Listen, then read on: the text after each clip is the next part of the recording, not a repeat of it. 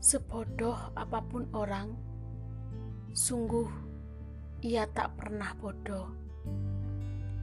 Seenggak gunanya seseorang,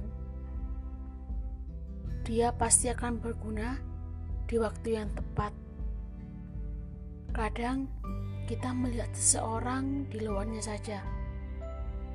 Orang-orang yang urakan, orang-orang yang pendiam, orang-orang yang tertinggal, orang-orang yang tidak punya teman, kita anggap mereka lemah dan mereka tidak bisa melakukan apa yang orang lain lakukan.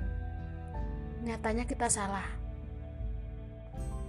Suatu hari nanti kita akan menemukan orang-orang yang dulu pernah kita remehkan menjumpai kita atau bahkan Tuhan sedang membuat rencana untuk mempertemukan kita berdua bukan untuk kita menggurui dia, tetapi dia yang sedang membantu kita.